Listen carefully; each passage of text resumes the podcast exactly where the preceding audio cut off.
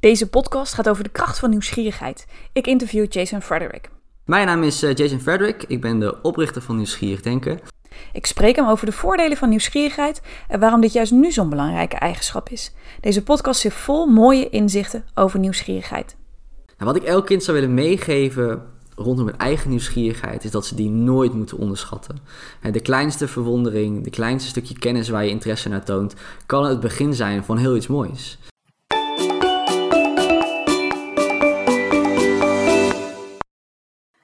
Hey, leuk dat je luistert naar deze podcast van Wahoo.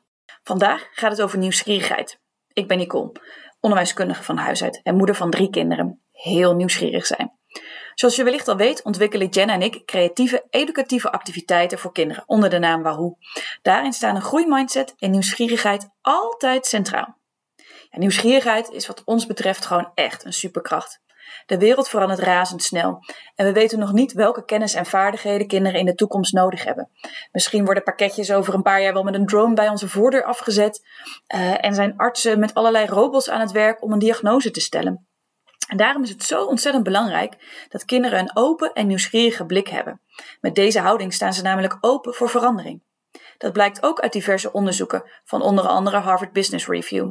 Zij beamen dat mensen met een onderzoekende houding makkelijker hun weg vinden op de arbeidsmarkt. Ze kunnen beter omgaan met onzekerheden en externe druk. Het onderzoek toont zelfs aan dat mensen die nieuwsgierig zijn, flexibeler zijn en daardoor gelukkiger zijn. Vandaag spreek ik Jason Frederick over de kracht van nieuwsgierigheid. Hij weet van alles over dit onderwerp. Hij geeft verschillende inspiratiesessies en workshops over nieuwsgierigheid. Dus een echte expert. Hey Jason, superleuk om hier vandaag te zijn. En ik vind het heel leuk om elkaar te spreken over dit mooie onderwerp nieuwsgierigheid. Um, voor iedereen die luistert, wil je jezelf even voorstellen en vertellen wie je bent en wat je doet? Ja, zeker. Mijn naam is eh, Jason Frederick. Ik ben de oprichter van Nieuwsgierig Denken. En mijn missie is het om eh, meer bewustwording over, nou ja, wat mij betreft, onze allermooiste eigenschappen de wereld in te brengen. Nieuwsgierigheid. Wat betekent om nieuwsgierig te zijn? Hoe werkt het in je brein? En hoe kun je het aanwakkeren bij kinderen, maar ook bij volwassenen en jezelf voor een leven lang leren? Ja, mooi hoe je dat zo zegt. Wij zien nieuwsgierigheid ook echt als een fantastische eigenschap. En je vertelde net ook dat je het leuk vindt om anderen te inspireren over deze eigenschap. Ik ben wel benieuwd, op wat voor manieren doe je dat en hoe pak je dat dan eigenlijk aan? Nieuwsgierig denken is ooit begonnen met een Instagram-account. Zoals de millennials hè, dat vandaag de dag uh, doen. Ik ging uh, quotes delen over bijvoorbeeld een Einstein, een Marie Curie, Leonardo da Vinci. Hoe zij nieuwsgierig waren en hoe zij nou, tegen de wereld aankeken. En toen kreeg ik steeds vaker ook de vraag of ik dat ook op locatie kon komen doen. Bijvoorbeeld door scholen, maar ook organisaties. en daarin eigenlijk het woord over nieuwsgierigheid verder te verspreiden. Wat betekent het nou? Hoe kun je het aanwakkeren bij jezelf en bij anderen. Dus inmiddels geef ik gastlessen voor kinderen op eigenlijk elke leeftijd. En ook workshops en trainingen voor volwassenen. Ja, gaaf om te horen hoor. Hoe je van die Instagram-account het zo uitgebouwd hebt en dat het echt gewoon draait om nieuwsgierigheid. Je spreekt natuurlijk heel veel mensen over dit onderwerp. En hoe vind jij in het algemeen dat er naar nieuwsgierigheid wordt gekeken door mensen? Nou ja, over het algemeen soms niet zo positief. Uh, ik liep toevallig een tijdje geleden liep ik door, een, door een kringloop heen. Dan ga ik altijd even kijken, wat kan ik vinden? Toen vond ik een woordenboek uit 1970. Nou, dat is een woordenboek waar heel veel mensen vandaag de dag nog mee zijn opgegroeid. Er stonden twee definities in over nieuwsgierigheid. Enerzijds de verlangen en het gretigheid om te leren, wat we vandaag toch ook kennen. Anderzijds was er een kleine additie gemaakt op die, uh, die eerste definitie. Van het verlangen en de gretigheid om iets te leren wat niet voor jou bedoeld is, waar je geen belang bij hebt. Dus als je het over nieuwsgierigheid, zien mensen het vaak ook wel als een beetje bemoeienis. Wees niet zo'n nieuwsgierig aagje, ga niet te ver.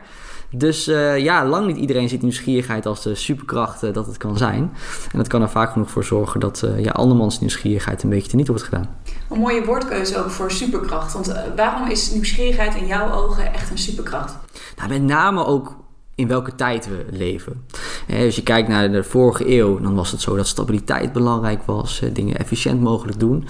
En vandaag de dag leven in een wereld die, die elke dag verandert. Het antwoord van vandaag is de vraag van morgen.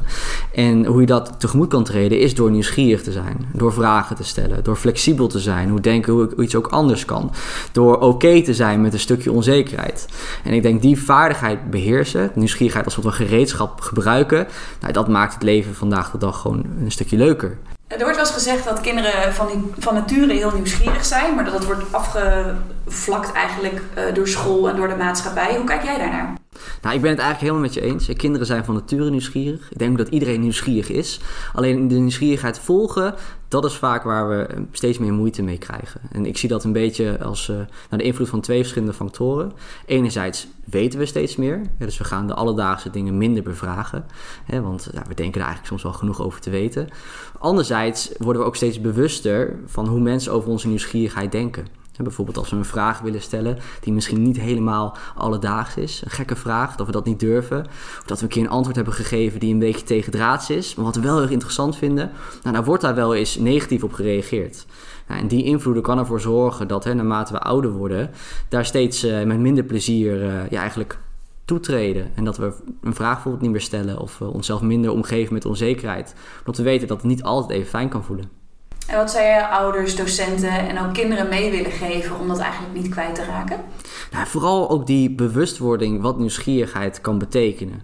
Je kunt het natuurlijk hebben over, over de uitvinders van deze wereld, de nieuwsgierige personen en wat ze allemaal bereikt hebben. Maar ook gewoon vooral zelf terug te koppelen wat het nieuwsgierig zijn en het verwonderen voor jou heeft betekend. Denk maar eens terug als kind. Wat vond je fascinerend? Waar kon je uren naar kijken of uren over praten? En dat gevoel een beetje terug te pakken. Want dat is ja, vandaag de dag gewoon heel erg belangrijk. Dat we vragen blijven stellen. Dat we denken hoe iets ook anders kan. Want de wereld gaat zo snel. En nieuwsgierigheid is wel wat mij betreft de vaardigheid om daar eh, flexibel mee om te kunnen gaan. Je noemde net ook het belang van een leven lang leren en nieuwsgierig blijven naar dingen. Dat is dus iets waar we als Wahoo ook enorm in geloven. Uh, waarom vind jij dat leven lang leren zo belangrijk? En hoe kunnen mensen dat aanpakken voor hun kinderen of voor de leerlingen in de klas? Nou, waarin een leven lang leren eigenlijk begint wat mij betreft is het beseffen dat er altijd iets is wat je nog niet weet. En dat, uh, dan heb je het eigenlijk over een stukje intellectuele nederigheid. Het beseffen dat hoe meer je weet, hoe minder je eigenlijk ook weet. Zoals mij Socrates ooit ook al een keer zei. En, en dat besef, dan bedenk je dat er altijd inderdaad altijd iets te leren valt. Hoe geloven natuurlijk dat nieuwsgierigheid vooral iets is wat je doet. Door dingen te ontdekken en te experimenteren. Hoe kijk jij daarnaar? Nee, ik vind dat wel interessant om even de begrippen verwondering en nieuwsgierigheid naast elkaar te zetten. Uh, hoe ik het zie is bijvoorbeeld verwondering echt even het stilstaan. Uh, jezelf verwonderd laten raken. Denken, wauw, dit is interessant. En nieuwsgierigheid is meer de bewegingsfactor daarin. Het beseffen dat je verwonderd wordt, dat er iets is wat je niet weet.